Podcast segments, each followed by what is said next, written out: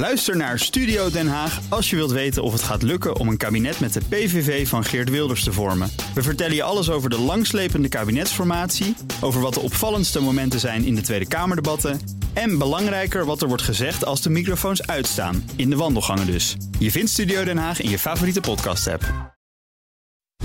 Cryptocast wordt mede mogelijk gemaakt door Bitfavo, de crypto-exchange van Nederland. BNR Nieuwsradio. Cryptocast. Herbert Blankenstein. Welkom in de Cryptocast met vandaag hoe denken de politieke partijen in Nederland over bitcoin, crypto en de digitale euro. En voor de slachtoffers van FTX wordt het steeds waarschijnlijker dat ze hun geld terugkrijgen. Intussen is de beurs zelf bezig met een doorstart. Dit is Cryptocast nummer 299. Met een half uur crypto nieuws op de radio met twee co-hosts. We hebben Bert Slachter, analist bij kennisplatform Bitcoin Alpha. Welkom. Dankjewel. En Daniel Mol, redacteur bij de Cryptocast zelf en bij BNR Digitaal. Hoi. Goedemiddag. Daniel. We geven geen beleggingsadvies. Vorm je eigen mening, maak je eigen keuzes en geef ons niet de schuld. Crypto kan lucratief zijn, maar is ook riskant. Morgen gaat Nederland naar de stembus. Crypto was uh, in de campagne zeker geen belangrijk thema, jongens. Um, toch hebben de meeste, partijen wel een mening over het onderwerp. Uh, de crypto-nieuwsite bitcoin.nl heeft dat in kaart gebracht, Daniel. Um, laten we eens kijken naar de partijen die uh, grotendeels positief zijn over bitcoin, crypto. Welke zijn dat? Ja, bitcoin.nl is dus die superhandige stemgids... waar ze zelfs partijen benaderd hebben om hun standpunt te geven... over bitcoin of crypto of de digitale euro. En als ze niet reageerden, gingen ze googlen. Precies, ja. dus er zit echt wat werk in. Er is zelfs een, ja. een, een, tweet van Pieter Omzicht uit 2018... die uh, het een en ander over, over crypto zegt. Nou, heel interessant. De partijen die positief zijn, uh, het laat zich een klein beetje raden. Maar uh, de Libertaire Partij, die hebben wij vorige week uh, geïnterviewd. Tom van Lamoen. In de CryptoCast. Die hebben een goed en uitgebreid standpunt over Bitcoin. Die begrijpen het in ieder geval. Verder nog Ja21, BVNL, FVD. en dan kom ik bij de SP. die weten we niet helemaal. in 2021 was Mahir Okaya volgens mij de nummer 2 op de lijst. Die heeft op Descriptor een heel interessant stuk geschreven over, over bitcoin en crypto. En is vaak hier geweest. Is ook vaak hier geweest. En die, die wist echt waar hij het over had. Die vertrekt helaas. Dus SP is een beetje in twijfelgeval. En de Piratenpartij was eigenlijk ook historisch altijd voor. Je kan doneren in bitcoin uh, naar hun partij. Uh, die hebben inmiddels ook geen standpunt meer. Maar die hadden ook goede ideeën daarover. Ja, um, oké. Okay. Bert, uh, de rest zal dan wel sceptisch zijn. Nou, dat valt wel mee. Dat viel mij ook op. Ik had gedacht van nou, er komen wel wat, um, uh, ook wat, wat, wat, wat, negatieve standpunten uh, langs. Maar de rest is eigenlijk opvallend uh, mild. Hè. Je ziet heel vaak dingen terugkomen als we geloven niet dat cryptovaluta zoals bitcoin snel uit de maatschappij verdwijnen. Of het is here to stay. Hè, dus we, hè, dus je, je ziet um, een soort acceptatie dat het onderdeel is geworden van de maatschappij en van de economie. Hè, en, ja, Zonder enthousiasme, als ik nou jou zo hoor. Dat wel, zonder enthousiasme, maar wel van um, ja, Nederlanders willen dit nu eenmaal, blijkbaar. En laten we dan ook zorgen dat het op een veilige en goede manier kan. Dat zie je vaak terugkomen. Dat men zegt van nou, binnenkort komt de regelgeving en toezicht. Wordt een aantal keer aangehaald. Ja. Dus op die manier, ja, over het algemeen genomen een redelijk um, uh, um, gebalanceerd beeld. Je ziet bij GroenLinks PvdA wel een, een heleboel ja, wat, wat gedateerde vooroordelen langskomen. Mining, hè? Mining kost veel energie, mensen ja, gokken ja. vooral, trekt criminele geldstromen aan. Ja, toch een beetje niet verder naar kijken dan je neus lang is. Dat is, dat is jammer, maar voor de rest um, uh, ja, een behoorlijk gebalanceerd beeld. Ja, maar Bitcoin.nl moest er wel voor graven en, en, en zeuren, uh, die partijen aanschrijven en zo. Um, het was geen thema in de verkiezingen. Nee, klopt. Het, um, um, al deze zaken, dus, dus crypto, bitcoin, uh, digitaal centrale bankgeld, monetair beleid. Het zijn allemaal thema's die geen prominente rol gespeeld hebben in de campagnes. Het zijn natuurlijk ook allemaal hele complexe thema's die zich lastig laten reduceren tot een sneer naar de tegenstander of een snelle leus. uh, dus het is niet heel geschikt voor de manier waarop er campagne gevoerd debat, is. Ja. Ja, en, en het is ook wel begrijpelijk dat vraagstukken over ons geldsysteem worden vermeden. Hè. Het, het, is voor, voor velen valt het buiten het expertisegebied. Um, het beleid wordt grotendeels in Brussel en Frankfurt bepaald. Het valt ook buiten de interesse van veel stemmers. Maar tegelijk is het natuurlijk wel een hele droevige constatering. Want financiële thema's die bepalen voor een heel groot gedeelte ons leven. En je zou eigenlijk hopen dat ze bovenaan staan in de partijprogramma's. En dat er een levendig en, en, en diep inhoudelijk debat over gevoerd wordt. Maar nou ja, dat is een, een gemis. Ja, ja uh, en, en Daniel, je noemt maar hier Alkaya als iemand die het uh, toch wel een beetje begreep. Uh, die stapt uit de Kamer. Hebben we nou straks überhaupt een Kamerlid dat een beetje verstand heeft van Bitcoin, van, van crypto? Ja, nou, maar hier Alkaya begreep het inderdaad echt heel goed. Ja. Um, die wist echt op een genuanceerde basis zijn, zijn mening erover te geven. Ja. ik weet dat Farid Azarkan van Denk, die overigens ook vertrekt, die bezat ook crypto. Die had ook wel echt een, een mening en een denkwijze over crypto. Eigenlijk uh, heb ik niet iemand kunnen betrappen op uh, ex, zeg maar expliciete crypto-kennis, domeinkennis. Um, binnen het onderwerp die nu op de lijst staat, die zich ook heel erg profileert op die manier. dit is wel een thema wat we zien, zeg maar, in de breedte van technologie. Um, ja, in andere techprogramma's van BNR hebben we het ook wel eens over dat er eigenlijk helemaal gewoon überhaupt te weinig techkennis is. Er wordt ook ja. opgeroepen van joh, ga alsjeblieft stemmen op iemand met techkennis. Er circuleerde op Twitter ook een, op ja. X, pardon, een lijstje van elke partij, iemand die dat dan tenminste nog heeft. Ja, dus eigenlijk hebben alle serieuze partijen altijd wel iemand met techkennis op de lijst of meerdere. Uh, maar het is inderdaad karig. En als je het dan bitcoin of crypto uh, of misschien uitgesproken monetair beleid eigenlijk ook niet, valt heel erg tegen. Ja, ja. Ik vond het wel grappig dat lijstje wat jij uh, mij ook doorstuurde. Van, ik, had, ik kijk zelf altijd naar dat ik stem op een beta. En er zijn er geloof ik maar 10, ja. 12 mensen die een beta-achtergrond hebben. Die dus cijfertjes snappen en leuk vinden, niet bang voor zijn. Ik denk dat is heel belangrijk dat ook dat in de Kamer aanwezig is. Dus die zoek ik dan altijd uit. Maar dit vond ik ook een leuke invalshoek. Iemand die tech snapt en leuk vindt en kan vertegenwoordigen. Ja, want je, je zou zeggen als je tech snapt en misschien een beetje economie snapt. Dan heb je in ieder geval, dan pak je iets als bitcoin of crypto veel sneller op. Ja. Uh, dus dat is dan de hoop bij die mensen. Uh, stem op een techie zou je dan zeggen. Maar ja, ja het, is, het is nog een, een beetje hoop. Ja, ik heb ook wel veel gemerkt door in gesprekken met, met politici op allerlei niveaus. Dat, dat um, angst ook een, een, een reden is soms om dingen met vooroordelen aan de kant te schuiven. Want dan hoef je het er niet over te hebben. Hè? Dan hoef je je niet erin te verdiepen. Hoef je ook niet. En omgekeerd gebrek aan kennis leidt tot angst. Nou ja, misschien wel. Maar het is ook angst, angst voor dat het misschien te technisch of te ingewikkeld is. Ja. En dat er te veel cijfers in zitten. Dat het te veel een onderwerp is daar kom ik niet uit. Dus weet je, op die manier, als je het aan de kant schuift, dan hoef je dat risico niet te lopen. Ja. Daniel, als je uh, het onderzoek van Bitcoin.nl um, door je oogharen bekijkt, is crypto dan een links- of een rechts thema? Ik denk dat we in Nederland wel iets meer rechtspartijen hebben die, die er een punt van maken. Ja. Uh, maar dus als we de SP en de Piratenpartij uh, even met de mantel der liefde bekijken. Uh, dan nemen we die ook maar mee als, als positief over crypto. Dan zou je zeggen, ik denk meer dat het partijen zijn die kritisch zijn op het establishment, op de gevestigde partijen die veel in de regering zitten. Die zijn wat meer pro-crypto. Um, en dan reken je daar de SP ook toe. Precies, ja. ja en, althans, uh, maar hier elkaar, ja. Ja, um, maar ik vind wel, en dat, dat constateert Bert net ook, dat ook de, de partijen uh, VVD, uh, D66, CDA, die zijn allemaal wel, het is allemaal een stuk genuanceerder geworden in de afgelopen paar jaar. Het is allemaal, het is er nu eenmaal, we moeten ons ertoe verhouden. Uh, we steunen Mika, de, al dat soort dingen. En dat, dat vind ik wel veelzeggend. Het is niet meer soort blind uh, piramidespel, criminaliteit. Dat, dat nee. is echt verdwenen. En dat ja, vind ik ja. positief. Hoe zit dat wereldwijd, Bert? Heb jij dat een beetje in de peiling? Hoe dat links-rechts, um, wie interesseert zich voor crypto? Heeft er een mening over? Ja, dus wat mij opvalt is dat er bepaalde groepen voorstander zijn... of expliciet voorstander zijn van bitcoin en crypto. bijvoorbeeld mensenrechtenactivisten, privacyvoorvechters... mensen uit vermogensbeheer, beleggingssfeer... libertariërs, economen die zich verzetten tegen het idee... dat één centrale partij de economie kan besturen... Hè, de Oostenrijkse school bijvoorbeeld. Wel al een heel bond uh, palet. Jongeren. Ja. De creatieve industrie, de gamingsector. En wat je dus ziet in dat, dat als die perspectieven in de politiek vertegenwoordigd worden, dat daar mensen dus ook voorstander zijn of daarvoor pleiten vanuit dat soort perspectieven. Stem op een gamer. Is, en dat, nou, dat is dus niet per se links of rechts. Hè? Maar goed, ja. jongere partijen bijvoorbeeld dus vaker. Maar wat je wel ziet, heel algemeen genomen, dat partijen die wat meer aan de linkerkant van het spectrum zitten, vaak wat meer affiniteit hebben met het idee dat de overheid precies bepaalt hoe burgers hun leven moeten inrichten, hoe de economie wordt ingericht. En aan de rechterkant iets meer van ja, laat, maar, laat de markt het maar bepalen. Ja. En daar zie je dus wel wat meer uh, affiniteit met of, of, of niet hè, um, voor crypto of bitcoin. Ja, laten we nog even kort kijken naar de winnaar van de verkiezingen in Argentinië, Daniel. Uh, de, uh, Javier uh, Milei.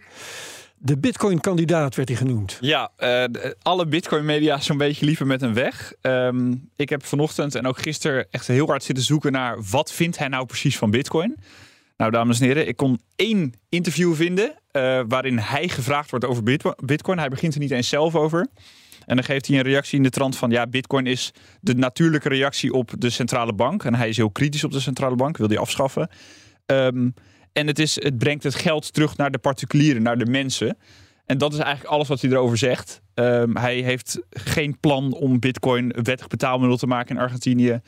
Hij wil gewoon voorlopig de peso, de Argentijnse peso, vervangen met de dollar. Eigenlijk is het niet echt een bitcoin-kandidaat.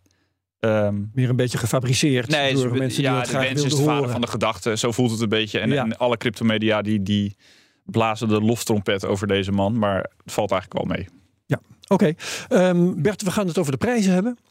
En eh, we hebben het vorige week eh, gehad over een periode van een week, een tijdvenster waarin die, al die ETF's konden worden goedgekeurd. Dat is niet gebeurd. Klopt. Is Nee, slecht nieuws? Negen dagen de tijd.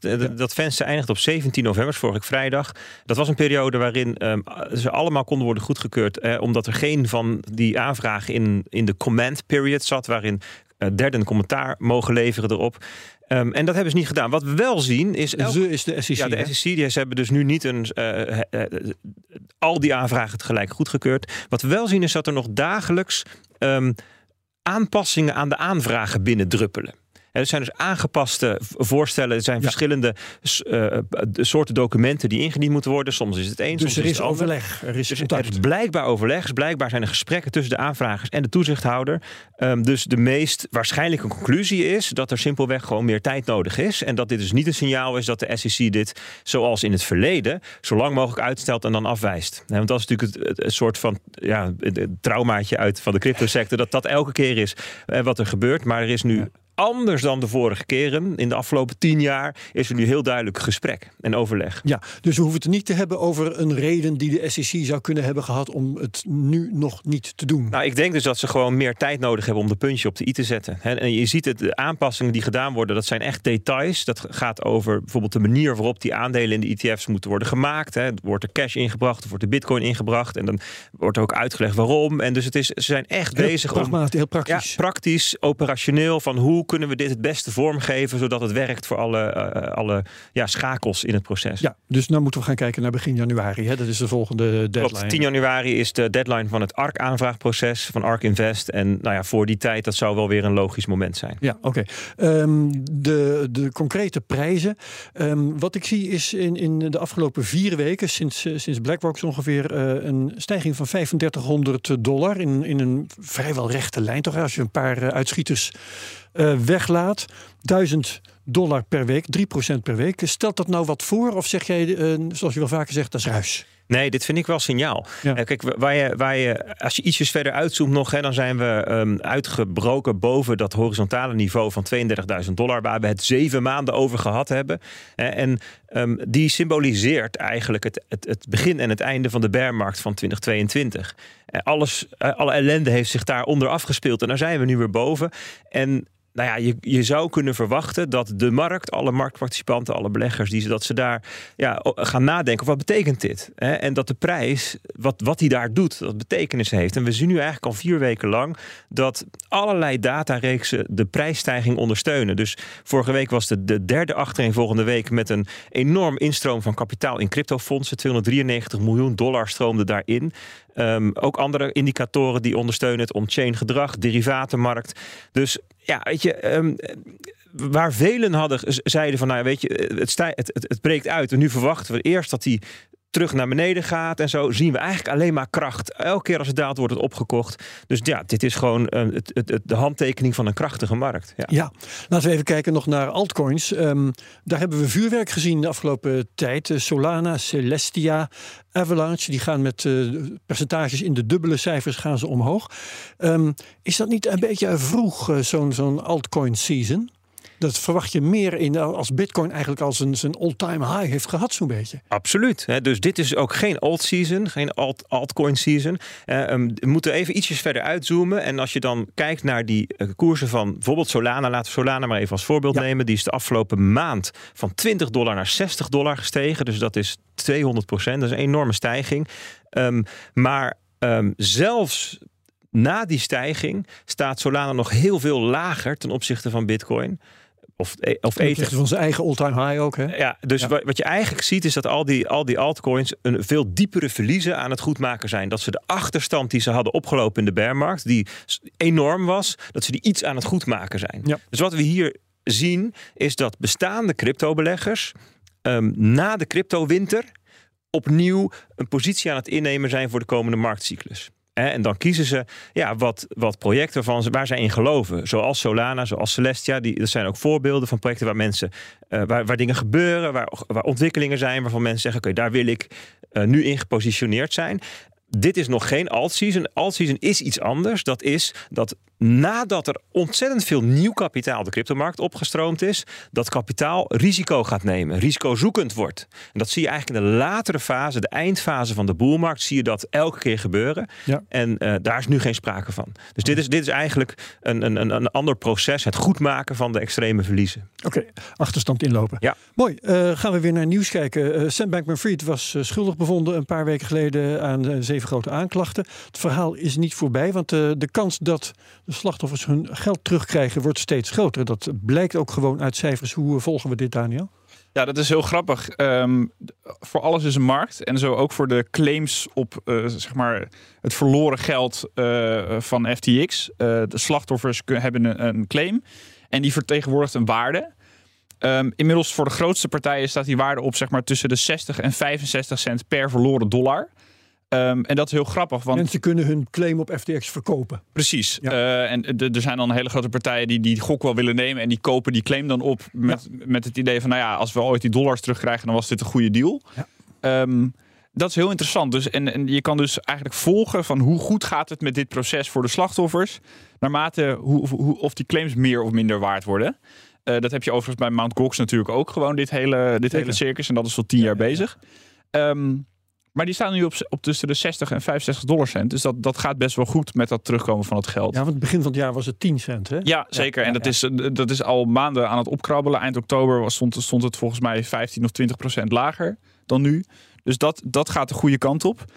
Jij, weet ik Herbert, zit, zit, in dit, eh, zit diep in dit proces. Jij vindt het leuk om dit, dit soort eh, dingetjes te volgen.